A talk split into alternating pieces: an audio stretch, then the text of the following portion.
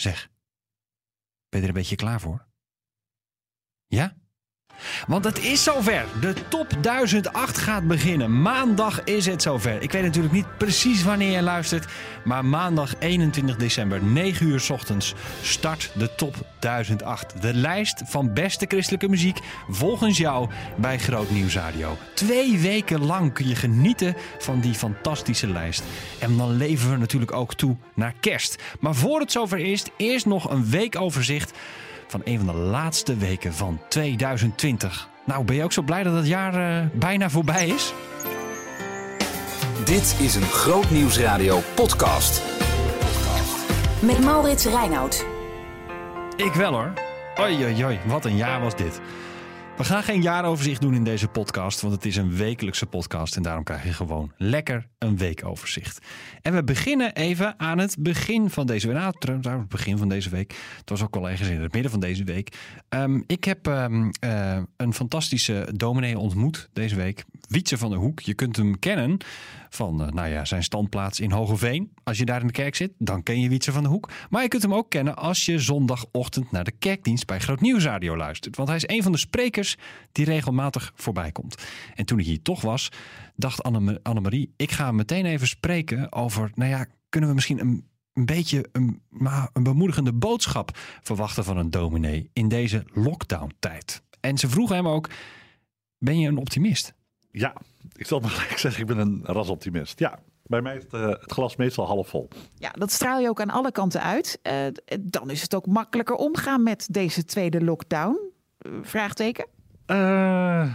Misschien wel. Ja, ik laat ze natuurlijk niet praktisch zijn. Wij hebben ook kinderen thuis. En die vinden het ook niet leuk. En om allerlei dingen niet te kunnen, niet naar school, niet naar de voetbal. Nou ja, zomaar vrij kunnen bewegen. Maar wij zijn wel ook samen met mijn vrouw proberen we in ons thuis. En, en ook eigenlijk met onze gemeente ook wel. Van waar liggen wel de kansen? Wat kan wel? Ik bedoel, heel veel mag niet, daar ben ik over eens. Dat vind ik ook niet altijd leuk. Maar soms is het heel interessant om te zoeken wat, wat mogelijk is. En jij bent dominee. Uh, dit is Groot Nieuwsradio. Luisteraars zijn over het algemeen christen. Dus, Wietse van der Hoek, waarom hebben we dan niet genoeg aan... God heeft alles in zijn hand en het komt allemaal goed? Ach, goeie vraag. Um, omdat wij mensen zijn. Wij mensen hebben onze levens en ik geloof dat uh, we maken ons ook druk. Ik kan me ook voorstellen, als jij op dit moment ondernemer bent en je hebt, je hebt een winkel en uh, 2020 was al niks. En je dacht nu met de kerstdagen hè, ga ik nog even die slag slaan. Ik zag het vanmorgen ook weer op het journaal, dat, dat de tranen in je ogen staan. Nou ja, dan kan je christen zijn of, of, of er een andere religie aanhangen. Dat hakt erin en dat, dat, is, dat is niet best. En wat mij bemoedigt is altijd in mijn eigen gemeente en ook in onze omgeving te zien dat wij als christen sowieso al de opdracht hebben om om te zien naar elkaar. He, dan denk ik, hoe kunnen wij als kerken ook in de praktische zin? Kijk, we kunnen het heel makkelijk zeggen, ja, uh, God zorgt, of er is het eind, uh, aan het eind van de tunnel. Uh, ja, dat is zo, dat geloof ik ook. En ik geloof ook dat God alles in de hand heeft. En wij vallen niet uit zijn hand. Of denk ook aan die prachtige tekst hè, voor Romeinen 8. En niets kan ons scheiden van de liefde van Christus. En dat is echt iets wat heel diep in mijn hart zit. En dat, dat juist dat stukje is zo, zo essentieel, omdat wat er ook gebeurt, het staat ook in Romeinen 8. Hè? Of het nou zwaard is, overheden, machten, krachten. Nou ja, vul het rijtje maar in. Paulus noemt daar een rijtje, maar wie zou kunnen de vraag kunnen stellen: hè, kan corona ons scheiden van de liefde van Christus? Nee. Maar je ziet in die tekst al, Paulus en consorten hadden te maken met tegenstand. Uh, hij moest voor uh, overheden verschijnen. Hij moest keuzes maken in de gemeente. Maar in zijn hart zat dat diepe gevoel: niets kan mij scheiden van de liefde van Christus. Maar nou terug naar die ondernemer. Wat betekende dat dan? Om dan onderdeel te zijn van een kerk en een gemeenschap. En, en wij als christenen, wat is dan onze taak? Nou, als die liefde sterker is, nou laat dan ook zien waar die kracht is. En ik geloof dan, kunnen wij ondernemers helpen als het iemand is in jouw gemeente? Kunnen we dan toch in plaats van misschien zelf die maaltijd maken, dan zeggen: ik ga naar die ondernemer en ik ga daar mijn kerstmaaltijd halen. Het kost me wat meer dan in de supermarkt kopen, maar ik doe het. Of nou, omgaan met eenzaamheid. Joh, er zijn zoveel dingen. Dan ga ik zoeken altijd op die momenten, wat kan ik doen? Ik verander niks. Ik ben Rutte niet, ik heb corona niet in de hand. Ik heb wel mijn eigen leven in mijn hand. Ik heb de keuzes in mijn hand, mijn portemonnee in de hand. Uh, mijn tijd. Ja, dat, is mijn optimisme. ja. Dat optimisme dat er uh, van alle kanten vanaf spat, uh, zo kan ik het wel uh, omschrijven. Um, iets doen voor een ander en het uitdelen van die liefde. Tegelijkertijd dat gevoel waar jij je misschien iets minder bij kan voorstellen, maar dat gevoel van ja, ik snap het allemaal wel en het moet. Maar het kan ook zwaarmoedig maken, uh, depressief zelfs. Waar moet ik met dat gevoel naartoe? Nou ja, ik, ik kan me zeker voorstellen. Dus ik, als jij, uh, ik ben dan die ondernemer niet. Maar als je dat wel bent, of je bent die ouder in het verzorgingshuis. en je had zo gehoopt op die kerst uh, met, met bepaalde manieren. of nou ja, gewoon het dagelijks leven.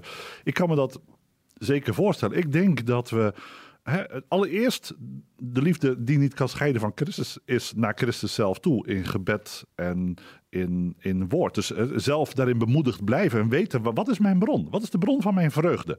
Ja, dus dit is geen optimistisch praatje zo van ach, doe maar een beetje je best. Nee, nee, zeker niet. Ik denk dat als, als, als die Romeinen tekst hè, van niets kan scheiden van de liefde van Christus, dat, ik dat, dat dat voor mij ook dan de bron is. Die, die liefde van Christus, die kan je zoeken. En ook daarin, misschien klinkt het ook wel meer dan heel makkelijk, hè? van nou ja, bid maar en wacht maar, alles wordt nieuw verhaal. Nee, dat hoor je mij niet zeggen. Het is denk ik heel fundamenteel wat je zegt. En de liefde van Christus is dus niet alleen, nou ga dan maar Bijbel lezen of zorg dat je het iedere dag in gebed brengt. Maar dat is breder. Dat is samen met een hele groep mensen die die hoop hebben. En ik denk ook dat wij als kerk geroepen zijn, niet alleen om dat te beleiden of dan, hè, we mogen het nu niet uitzingen, maar in een goede tijd te mogen zingen. Maar dat juist ook handen en voeten te geven. Maak het dan maar eens praktisch. En denk niet alleen van wat overkomt mij, maar ook wat, ik kan, wat kan ik doen. Um, nou ja, ik denk dat juist door het doen het ook ervaringen geeft. die saamhorigheid, het stukje zoeken. En dat is dan niet een hele groep. Nee, ik, ik, hoe, mooi kan het zijn door te zeggen: ik kijk naar mijn buurvrouw om. En dan is het een één op één gesprek. En op afstand, op anderhalve meter. Maar hoe fijn is het gewoon even om iemand weer even te ontmoeten? Ja, laten we dan maar zoeken naar wat kan. En ja, dat doe ik vanuit de liefde van Christus. Mooi dat uh, Wietse van de Hoek zegt: uh, laten we niet kijken naar wat ons overkomt, maar wat we kunnen doen. Ja, ik, ik hou daar wel van. En misschien word je ook wel geïnspireerd door wat je nu hoort en denk je: ja, ik wil dat ook wel eens ervaren, hoe dat is. Als ik gewoon zelf de stoute schoenen aantrek en mensen die in mijn omgeving zijn en misschien op dit moment een beetje alleener of eenzamer zijn dan dan, dan anders om die eens te bezoeken. En ja, anderhalve meter afstand houden. Misschien wat leuks eh, langsbrengen voor deze kerstdagen. Maar goed gesprek, even laten zien dat je op iemand geeft. Dan ben je, wat we bij Groot Nieuwsradio noemen, een mens van vrede. Groot Nieuwsradio podcast. Met Maurits Reinoud. En van vrede naar onrecht. Want afgelopen donderdag presenteerde de Tweede Kamercommissie die de verhoren, de parlementaire verhoren heeft gedaan rondom um, de toeslagenaffaire, zijn rapport. En dat was niet mals. En dat was ook al niet tijdens de verhoren zelf. Want toen werd er, werd er met de vinger gewezen tussen de Belastingdienst en Sociale Zaken. Wij spraken over de presentatie van dat rapport Pieter Omtzigt van het CDA. Voor mij waren er op zich weinig verrassingen. Dit is het beeld dat wij al anderhalf jaar hadden en uh, waar wij anderhalf jaar tegen, uh, tegen vechten. Mm um, en het is nu, nu staat het allemaal netjes achter elkaar opgeschreven. En is het duidelijk dat de rechtsstaat dus geschonden is. En dat is wat wij al die tijd al gezegd hebben. Namelijk dat, je, dat het niet één ding is wat misging. Het beleid klopte niet. De uitvoering klopte niet. Als er wat misging, dan greep er niemand in bij de Belastingdienst. Mm de regering heeft structureel de Kamer onvolledig en onjuist geïnformeerd.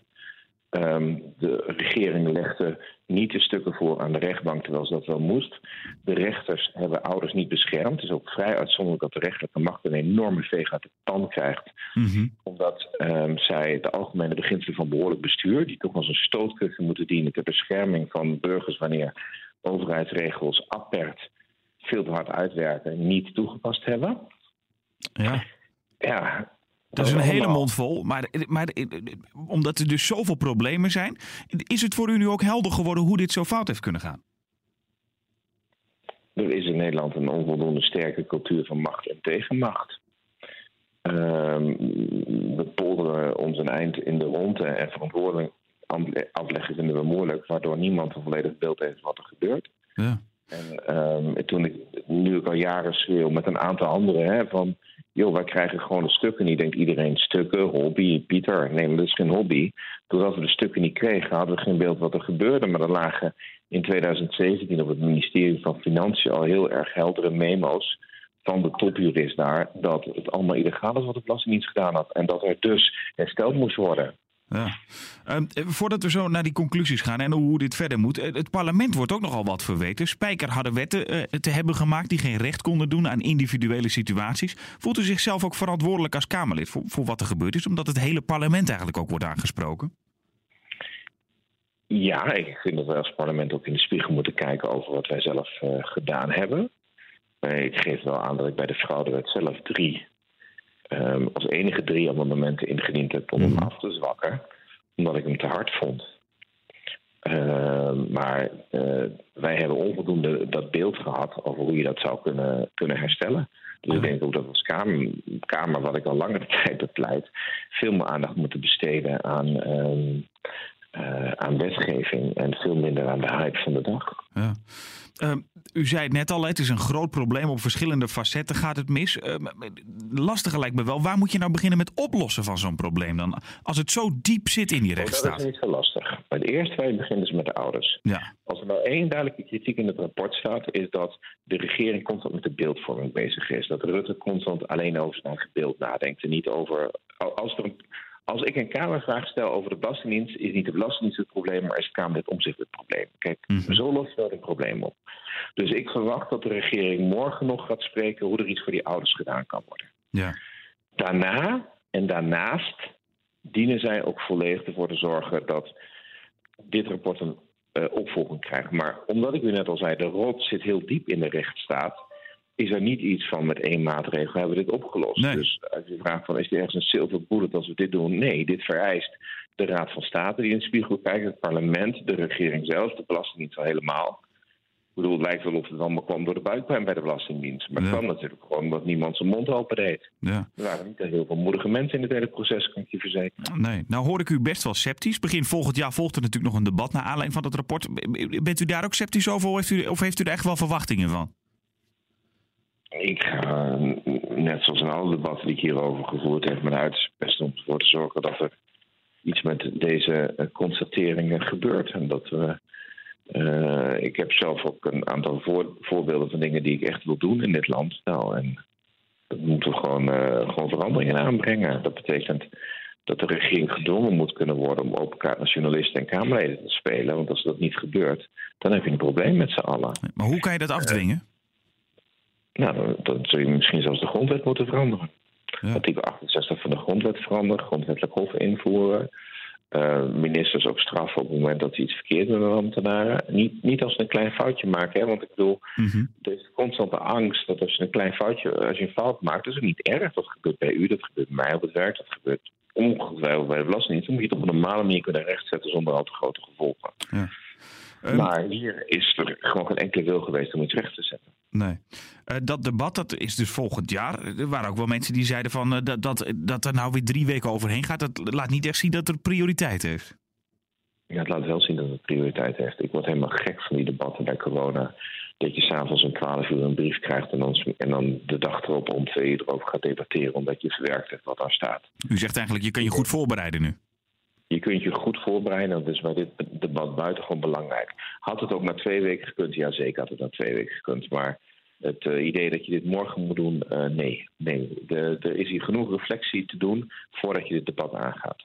Oké. Pieter Omzicht, Tweede Kamerlid van het CDA. Hartelijk dank. Grootnieuwsradio podcast. Met Maurits Reinoud. Elk jaar doet het CBS onderzoek naar religie in Nederland. Wie rekent zich religieus en wie niet? Wij spraken over de cijfers van 2018 en 2019 met theoloog des Vaderlands Almatine Lene. Dat eh, deed Ronald Koops in De Nieuwe Morgen. Onder andere over de vraag: wat betekent die term nou eigenlijk, religieuze betrokkenheid? Ja, nou ja, dat, dat is dus wel interessant altijd aan deze rapporten die om de zoveel jaar uh, verschijnen. Dat dat inderdaad een belangrijke vraag is om te stellen. Van, uh, betekent dat dat je in, in God gelooft? Of betekent dat dat je inderdaad je, jezelf verbonden voelt met een groep? Kom je vervolgens ook naar die groep, hè, naar die kerk toe of niet? En Ja, als ja. je het rapport leest, dan, dan ja, zijn daar wel hele grote verschillen in. Bijvoorbeeld, je zegt inderdaad, uh, Rooms-Katholieken zijn nog de grootste groep, maar daar komt maar een vijfde van die groep in de kerk. Ah, daadwerkelijk. ja. Hè? Dus, uh, en, en, dus, en als je kijkt ook uh, nou ja, het percentage wat wel en niet in God gelooft. dan, dan is dat ja, ook weer anders. Dus ja, religieuze betrokkenheid is wat dat betreft best een vage term. Ja, je, je zegt het net al, er is inderdaad ook gekeken hoe vaak mensen dan naar hun eigen religieuze bijeenkomst gaan. de katholieken noemde je al, de grootste groep, maar gaat het minst vaak naar de dienst. Ehm, waarom is dat verschil zo groot? Dat slechts een vijfde een, een kerkdienst bezoekt. Ja, nou dat is een beetje katholiek eigen. In die zin, um, je, je voelt je verbonden met een hele grote wereldkerk. Hè? En uh, die, je schrijft je niet 1, 2, 3 ook uit. Al ga je niet meer, dan, ja, dan, dan, dan blijf je vaak nog wel lid. En terwijl bij protestanten is het zo van als je ja, niet meer gaat, dan wil je ook eigenlijk gewoon zo snel mogelijk worden uitgeschreven. Ja, ja, ja. Bij de protestanten en, is het inderdaad. Meer. Ja, bij de protestanten is het half om half, zie je inderdaad. Ja. Uh, zijn we de kerk misschien minder belangrijk gaan vinden? Wat is jouw indruk daarvan? Ja, ja je ziet nog steeds inderdaad dat ook die, uh, de, de, de instituten die worden steeds minder belangrijk gevonden. We leven natuurlijk in een tijd waar het individu heel erg centraal staat. Uh, dus, dus ja, dan vind je een groep minder belangrijk. Hè. Daar hoef je niet per se bij te horen. Dus soms wil je dat juist niet. En uh, dat, dat, dat zorgt ervoor inderdaad dat de kerken toch uh, worden gezien als niet dat je dat nodig hebt voor je geloof. Dat kun je zelf wel. En tegenwoordig heb je natuurlijk online een heel, uh, heel ja. aanbod ook. Dus ja, hoef je niet eens. Je mag niet letterlijk naar de kerk, maar het hoeft ook niet eens. Hè? Nee. Dus, Even ja. daarover gesproken, Albertine. Wat denk je wat de gevolgen zijn? Daar denk ik wel eens over na. Stel dat die crisis Ja, nou voorbij is. Wat, ja, Ja. Je, je kan natuurlijk niet vooruitkijken, maar wat denk jij wat er gaat gebeuren? Nou, de voorspellingen zijn aan de ene kant inderdaad dat die secularisatie eh, veel sneller gaat. Dat er ineens even een stroomversnelling eh, zal komen. En dat veel mensen die al twijfelden, nou, die komen gewoon niet meer terug. En aan de andere kant heb ik een beetje de, de hoop eh, dat ik denk van ja. juist in deze tijd waarin je elkaar niet mag zien, besef je wel hoe erg je elkaar nodig hebt. Hè? En dat ik echt ook wel hoop dat mensen ja, eh, ook wel weer zien wat een groot privilege het is om naar de kerk te mogen. En dat, dat er eigenlijk zoveel fantastische dingen ook gebeuren. Dus dat, dat is mijn hoop. Maar Ja, ja, ja. Ik, eh, ja, de verwachting is dat inderdaad eh, we zeg maar over twee jaar, als, als die corona voorbij is, hebben we weer nieuwe statistieken, dat dat eh, nog harder is gedaald. Ja, precies. Hey, in 2019 eh, is in het CBS-onderzoek een nieuwe categorie voor de, eh, de migrantenkerken toegevoegd. Ehm, Ja. Hoe kijk jij naar de rol van de migrantenkerk? Ik bedoel, hebben we het vooral aan migranten te danken dat de cijfers maar zo licht zijn gedaald? Ja, t- nou, het is goed dat die categorie is toegevoegd inderdaad. Want dat is een, eh, groep die, eh, die groeit. Dus dat is mooi. En die ook gewoon eh, ja, een fatsoenlijke plek ook in de samenleving inneemt. Ehm, maar ja, het is nog steeds ook wel in die zin natuurlijk gedaald. En het is 3%. Maar ik vind dat toch wel voor... Ja, ik vind het toch nog wel relatief veel geloof. Ja, ja, ja. ja. ja. Ja, ook het geloof eh, in het bestaan van God hè, komt eh, aan bod in dit rapport. Hoewel eh, ja, nog steeds bijna de helft van de Nederlanders zich religieus betrokken voelt, zegt toch maar een kwart zeker te zijn van het bestaan van God. En bij protestanten gaat het om twee van de drie en bij katholieken Ja. op één op de drie. Hoe kan het dat we daar zo onzeker over zijn? Ja, nou dat hoort denk ik ook wel een beetje bij onze tijd. Hè? Dat je, en, en, en sowieso, ehm, het is ook weer hoe je het verwoordt. Hè? Eh, eh, als je zegt van kun je bestaan van God bewijzen, dan, ja, dan, dan begin ik ook al eh, te zeggen van nou, terwijl ik zou zeggen ik geloof zeker in God. Maar ja, dat is dat. Dat is ook wel lastig hoe mensen dat natuurlijk opvatten. Hè? Wat bedoel je daarmee? Moet je daar 100% zeker van zijn? Kijk, bij geloven hoort wat dat betreft ook altijd een stukje twijfel. Ja, hè? Dat is geloven. Dat, is een, een, een, een- dat kun je niet eh, be- bewijzen. Dus wat dat betreft, dat vind ik niet zo heel erg gek. Hè? De twijfel is daar deel van. Eh, je kunt het wat mij betreft ook omdraaien. En dan kun je zeggen van nou, een derde van Nederland weet zeker eh, dat ze niet in God geloven. En de rest is daar dus gewoon onzeker over. Nou, dat is twee derde. Dat is dus meer mensen als die zich religieus betrokken voelen. En daar ligt dus ook wel echt een, een hele grote kans. Hè? Dus dat mensen niet eh, zeggen van ik geloof echt niet in God. Dus eh 40% twijfelt. Nou, dat, dat, dat, is, dat kun je als negatief opvatten of als heel positief. En, en ik denk, ik zie daar wel ja, kansen liggen om het maar even zo te in die zeggen. zin dat ze in ieder geval niet zeggen resoluut nee, er is geen God. Maar ze twijfelen op zijn minst. Ja. Ja, nou ja, en dat, dat is ook wel, dit rapport laat het niet echt zien, maar de, het, het zoeken naar spiritualiteit en, en naar zingeving, dat groeit ook nog steeds. Hè? Ja. Dus eh, het instituut, de kerk, dat wordt steeds minder populair. Mensen willen zich niet verbinden met, met eh, zoiets of, met, eh, of heel duidelijke uitspraken doen, maar dat verlangen lijkt er wel te zijn. Ja. En ook gewoon voor een heel groot deel van Nederland. En daar hebben we ook zelfs gezegd dat ik denk van het is wel iets nou van de minderheid die in Nederland zich dus religieus betrokken voelt. Maar het is nog steeds een hele grote groep. En ik, ik zie dat uh, ja, ja, ja. in Nederland niet altijd terug in media en in hoe er gesproken wordt over religie. Dus wat dat betreft uh, ja, wil ik ook dit niet elke keer zien dat oh, we gaan weer achteruit of zo. Hè? Dat, Nee. nee. nee, dat lijkt me ook niet, uh, niet, niet, goed om dat te doen, want dat klopt niet helemaal. Nee, precies. Jij, jij wil ook die kansen blijven zien. En, en je zegt Ja, ook twijfel ja. is een kans, zou je kunnen zeggen. Nou, zeker. Ja. Ja, ik bedoel, hè, er is, er is twijfel iets wat dat betreft uh, hoort dat bij geloven. Dus dat zou ik niet gelijk wel zeggen, oh uh, help, dat is niet goed. Dat, uh, nee, in de Bijbel twijfelen ook genoeg mensen. Ja, in de Bijbel wel. Daar twijfelen ze wel. Waar ik niet aan twijfel, is dat de komende weken bij Groot Nieuwsradio fantastische weken worden. Ja, de podcast zit erop. En ook voor dit jaar. Maar niet getreurd, er komt nog zoveel moois. Zelfs voor de top 1008 al. Komt er een mooie kerstdienst. Ja, ik wens je alvast hele mooie kerstdagen en fijne feestdagen toe. En ik zou zeggen, we spreken elkaar in deze podcast volgend jaar weer. Luister deze zondagochtend naar een speciale kerstviering bij Groot Nieuws Radio. Met spreker Samuel Lee over het thema Leef dichtbij. En muziek van Elisa Manna, Trinity en het dakloze koor De Straatklinkers. De kerstviering vanuit de Noorderkerk in Amsterdam. Deze zondagochtend vanaf 10 uur. Bij Groot Nieuws Radio.